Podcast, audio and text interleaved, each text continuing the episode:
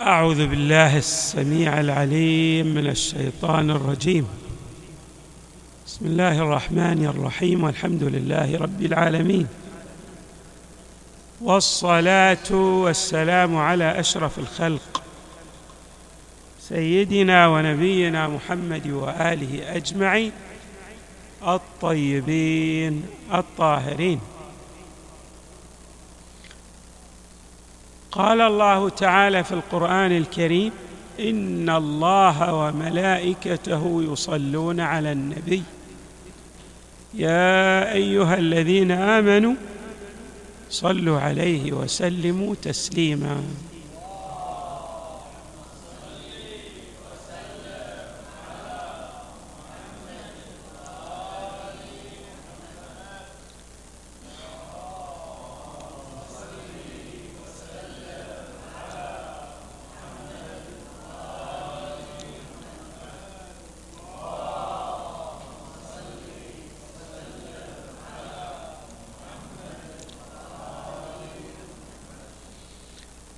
اللهم صل على محمد وآل محمد شجرة النبوة وموضع الرسالة ومختلف الملائكة وأهل بيت الوحي. الإمام زين العابدين عليه السلام وردت عنه أدعية متعددة وفي أدعيته إيضاح لمعاني ومفاهيم القرآن الكريم. من أدعيته عليه السلام هذه الصلوات الشعبانية التي نصليها على محمد وآل محمد.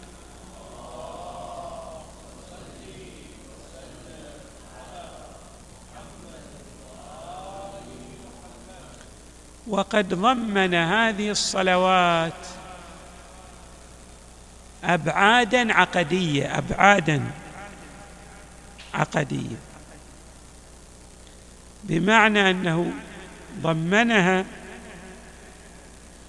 العمق والمحتوى لقوله تعالى إن الله وملائكته يصلون على النبي ولكن أيضا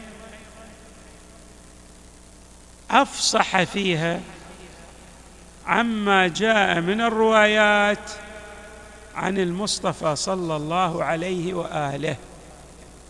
هناك طائفة من الروايات توضح لنا البعد العقدي والمكانه السامية والرتبة العالية لمحمد وآل محمد.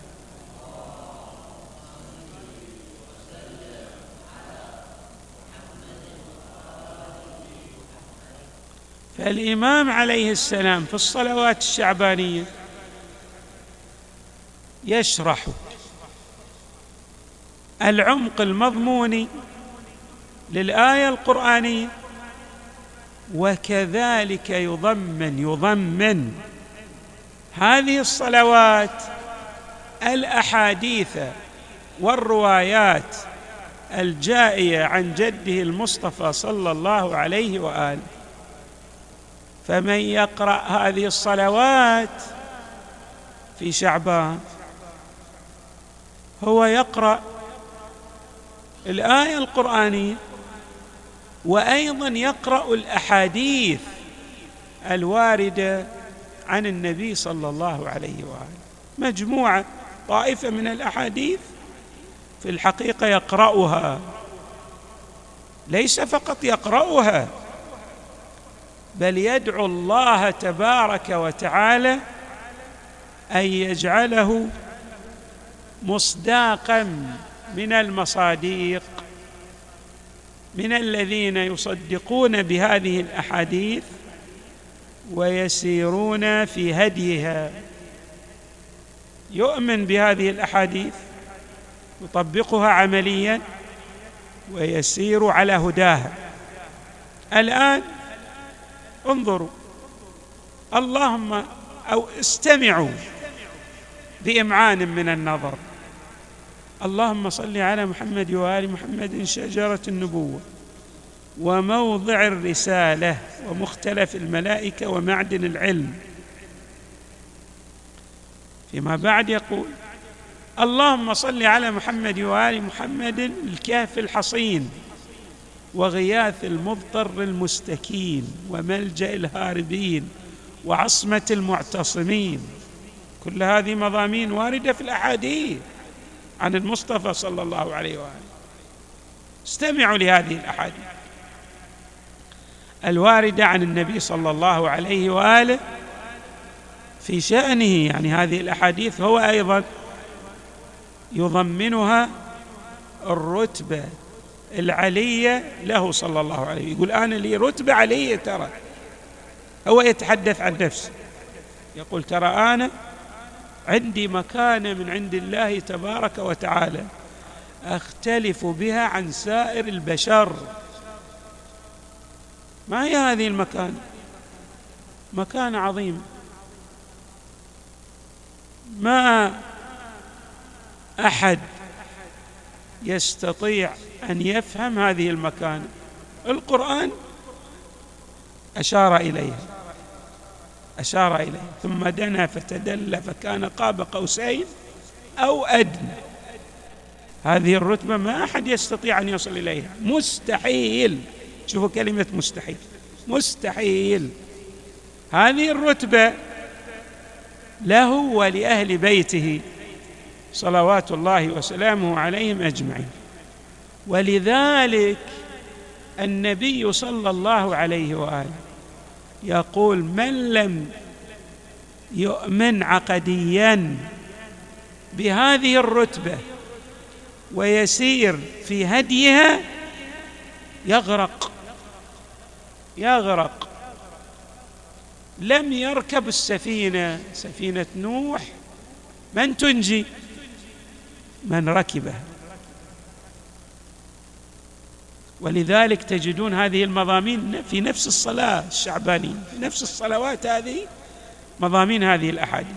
شوفوا مثلا النبي صلى الله عليه وآله يخاطب أبا ذر أو سمعه أبا ذر يقول ألا إن مثل أهل بيتي فيكم مثل سفينة نوح من قومه؟ من ركبها نجا ومن تخلف عنها غرق. أحاديث كثيرة. سميها شنو؟ أحاديث السفينة. مجموعة من الأحاديث والنصوص كلها تفصح عن هذا المعنى. حديث آخر يقول نحن النبي يتحدث عن نفسه يعني يقول أنا مع أهل بيتي أنا مع أهل بيتي سفينة. ولذلك ما حد يقدر يقول يقول أنا مثلا من أتباع محمد صلى الله عليه وآله بس ما يأخذ عن أهل بيته.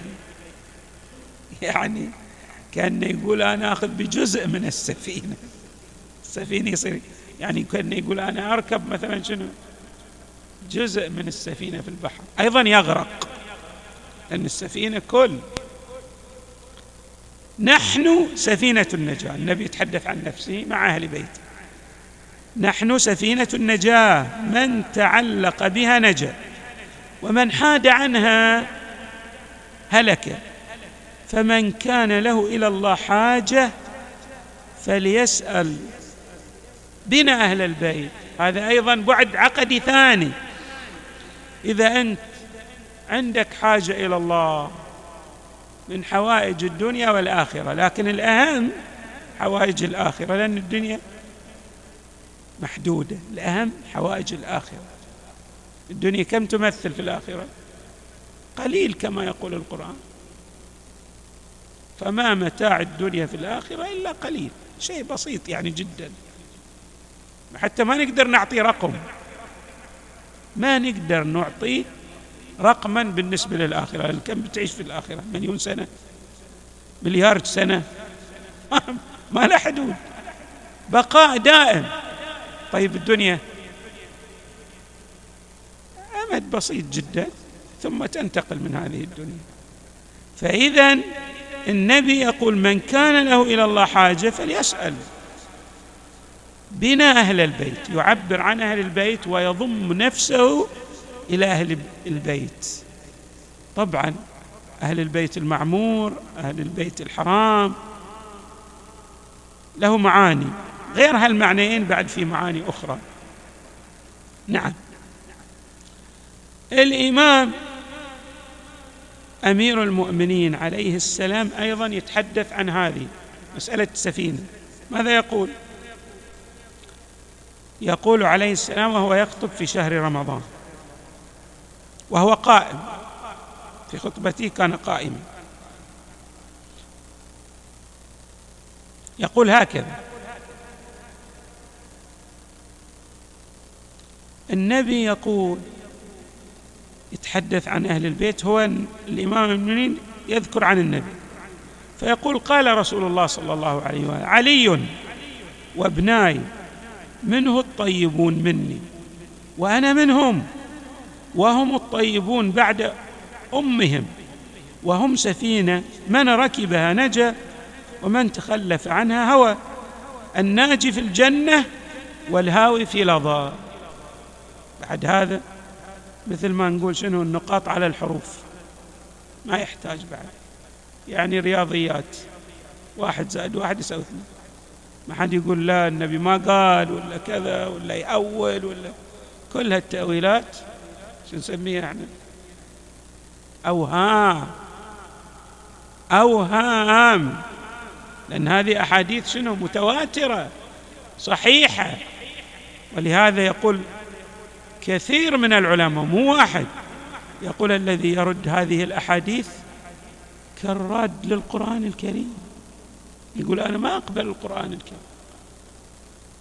وليس هناك معنى تقول أنا آخذ بالقرآن الكريم بس ما أخذ بالأحاديث.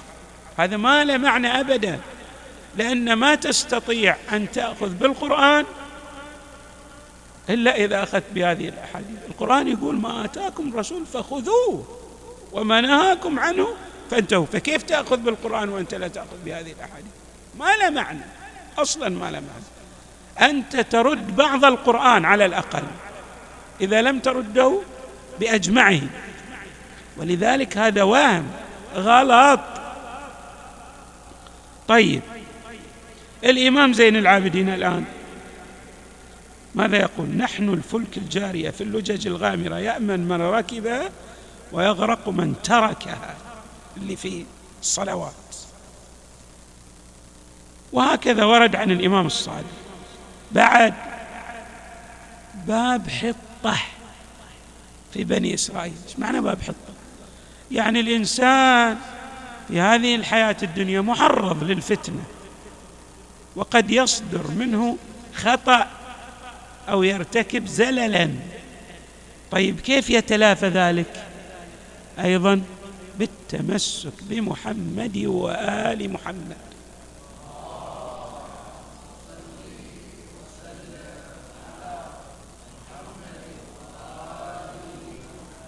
أنصتوا لهذه الأحاديث العميقة جدا. يقول صلى الله عليه وسلم إنما مثل أهل بيتي فيكم مثل أو مثل باب حطة في بني إسرائيل. من دخله غفر له.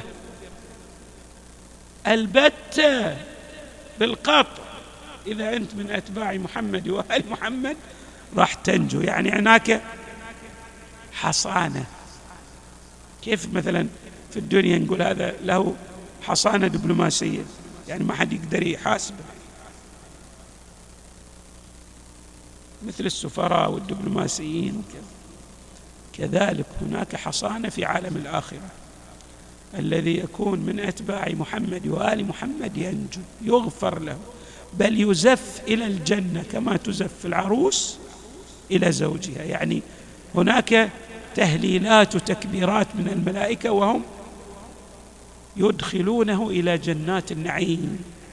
هو يفرح بعد يقول صلى الله عليه وآله من دان بدين وسلك منهاجي واتبع سنتي فليدن يكون يعني متدينا بتفضيل الأئمة. واضح بعد لما تقول لا هم مثل غيرهم مثل ما ناخذ عن فلان ناخذ عن علي مثل ما ناخذ عن فلان ناخذ عن الباقر مثل ما ناخذ عن فلان ناخذ عن الصادق. النبي يقول لا ما فيها الحكي هذا. ليس بمقدورك. فليدن بتفضيل الأئمة من أهل بيتي على جميع أمتي. فإن مثلهم في هذه الأمة مثل باب حطة في بني إسرائيل. تسلك هذا الطريق؟ تحصل على النجاة. ما تسلك هذا الطريق؟ أنت بمعزل عن الصراط السوي والمستقيم. وأحاديث كثيرة. أحد الصحابة يتحدث عن النبي صلى الله عليه وآله أيضا بهذا المعنى ويبين أن من سار في هذا المنهاج لن يضل ابدا وهو معنى حديث السفينة. لن تضلوا بعدي ابدا هذا معنى حديث السفينة. أيضا عندنا من أحكام البيت الحرام. الأمن فمن دخله كان امنا. هم أمن. اسمعوا هذا الحديث. النبي صلى الله عليه وآله يخاطب عليا مثلكم يا علي. مثل بيت الله الحرام. من دخله كان امنا. فمن أحبكم ووالاكم كان آمنا من عذاب النار. ومن أبغضكم ألقي في النار يا علي. طيب. النبي بعد هنا شو نقول؟ أفصح عن المعنى الدقيق ولا ما أفصح؟ أفصاح تمام. طيب. النظام الكوني هل يستقر إلا بترابط بعض أجزائه ببعض. النجوم اللي تشوفونها هذه والشمس لها ارتباط تكويني بجميع عوالم الوجود. يعني بعض عوالم الوجود يرتبط ببعضه الآخر. ولذلك كل في فلك يسبحون. يعني مثلا الشمس لو اقتربت من الأرض بغير هذا النظام إحنا خلينا نجيب تعبير عامي أو اللي يمكن هو دقيق بس إن إحنا نعبر به كثيرا. نقول يخترب النظام الكوني يخترب. يعني يخرب. ليش؟ لأن تحترق الأرض لو اقترب. ابتعدت تتجمد. ما يصير. هذه يسميه كثير من الفلاسفة من الغرب يسمونه النظام الذكي. أو المصمم الذكي يطلقونه على الله. يقولون الله صمم هذا الكون بحيث تعيش فيه الكائنات وتتكامل بطرق هندسية إبداعية. أصلا حتى عقول الناس ما تصل إليها. بس يدركون بعضا منها يدركون بعضا انتبه وهذا معنى قوله تعالى وما أوتيتم من العلم إلا قليلا. شوفوا النبي شو النجوم أمان لأهل الأرض من الغرق. وأهل بيتي أمان لأمتي من الاختلاف. يعني ليش أمان من الغرق النجوم؟ ترى هذا له معاني كثيرة جدا. يعني مثلا الإنسان إذا في البحر يغرق إذا ما يسير على ضوء الاهتداء بالنجوم. وعلامات وبالنجم هم يهتدون. طيب أول ما في GPS شنو الناس يمشون بدال ال GPS بالنجوم. عرفنا فيصير إلى الهداية. هذا معنى من المعاني. بس في معنى آخر وآخر وآخر. من المعاني؟ المعنى الذي أسلفناه فيما تقدم. ذكرناه بأن النظام الكوني يرتبط بعض أجزائه ببعضها الآخر. وآل البيت عليهم السلام يمثلون شنو؟ حلقة الوصل بين هذا النظام الكوني. ولذلك تشوفون يعني لولا الحجة لساخت الأرض بأهلها. إيش معنى لساخت الأرض بأهلها؟ بعضهم يقول الحجة الآن مو موجود شلون ما تسيخ الأرض بأهلها لا الحجة موجود سلام الله يعني. وفعلا تسيخ لأن إحنا لو الآن قرأنا القرآن نشوف يقول الله أنا خلقتكم حتى تتعرفون علي وما خلقت الجن والإنس إلا ليعبدون. ما أريد منهم من رزق وما أريد أن يطعمون. إن الله إذا الله تبارك وتعالى هو الرازق الخالق المبدع المعيد المهيمن. وخلقنا ليش؟ كي نعبد هذا الإله العظيم. طيب كيف نعبده؟ ما يمكن إلا عن طريق الأنبياء والرسل والأوصياء صلوات الله وسلامه. طيب أقول الله ما خلقنا خلقنا بس قال يلا ابقوا. يعني كالأنعام كي لا تصلوا إلى معرفتي. يصير يخلقنا ويخلينا كالأنعام. هذا خلاف الحكمة. فاذا آل محمد صلوات الله عليه مع المصطفى صلى الله عليه وسلم مع جدهم مع كل لا يتجزأ. ويرتبط هذا الكل الذي لا يتجزأ بهذه المعادلة الكونية. بمعنى أن مسار الإنسان التكاملي والمعرفي يرتبط جذريا في سيره التكاملي بهذا البعد العقدي. من لم يقبل يقول أنا ما أقبل. من لم يقبل ما يصل إلى المعرفة. ولذلك ترون غيرنا شو يقول؟ ما يقول أنا يقول التوحيد توحيد توحيد ويصوت ليل ونهار توحيد. وهو شنو؟ يقول أنا أعبد شاب أمرد. تعبد شاب أمرد؟ هذا هذا هذا التوحيد تعبد. يقول الله شاب أمرد. أو يقول له رجل يحطها في النار ويحترق بعضها بعد. هذا حكي. ما ينسجم مع قوله تعالى ليس كمثله شيء.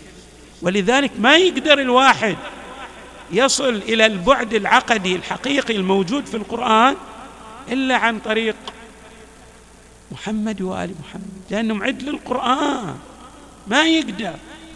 بس يتنكب هذه الجادة شو يصير؟ يقوم يعبد الشاب الأمرد يقول الله لا رجل لا رجل يجسم يخربط باصطلاحه يخربط. ما يقدر يصل إلى المعنى الدقيق من قوله تعالى الله الصمد ولم يلد ولم يولد ولم يكن له كفوا أحد. ما يقدر يدرك المعنى. مجرد يقوله لقلقة لسان لكن لما يرجع إلى مربع الأول يقول لا الله لا رجل بس لا تكيفونه بس لا رجل. ولا يعني شو اسمه ما لما يقدر يفهم معاني القرآن إلا بالأخذ عن محمد وآل محمد. وهذا معنى ما آتاكم الرسول فخذوه. وما نهاكم عنه فانتهوا. إذا عودا على بد شوفوا النجوم. بعد في حديث آخر مثل العينين اللي ترى بهم حتى يوضح لك النبي. يقول لك إذا أنت ما عندك عيون تقدر تشوف. تقدر قد يقول واحد أعمى مثلا ويصل. هذه نوادر ولولا وجود المفتحين اللي يشوفون كان الأعمى يموت. هم اللي يعني يأخذون ب بإرشاده. وبتهيئة الوسائل له كي يحقق مآربه. يقول صلى الله عليه وسلم خلينا نجيب حديث العينين. جميل أيضا. اجعلوا أهل بيتي منكم مكان الرأس من الجسد ومكان العينين من الرأس يعني حتى تصلوا إلى النظر إلى الحقائق. لا بد أن تأخذوا بهديهم صلوات الله وسلامه عليهم أجمعين. ثم يردف قائلا فإن الجسد لا يهتدي إلا بالرأس ولا يهتدي الرأس إلا بالعينين. ما أنت ما إذا ما تشوف شو تصير؟ كل حين تصطدم بشيء. فإذا عندما نقرأ هذه الصلوات الشعبانية إحنا مو نقرأ بس دعاء إحنا في الحقيقة بتكرار هذه الصلوات نعطي بيعة لمحمد وآل محمد. ونقول إحنا ترى في مساركم. صلوات الله وسلامه عليكم. إن الله وملائكته يصلون على النبي. يا أيها الذين آمنوا صلوا عليه وسلموا تسليما.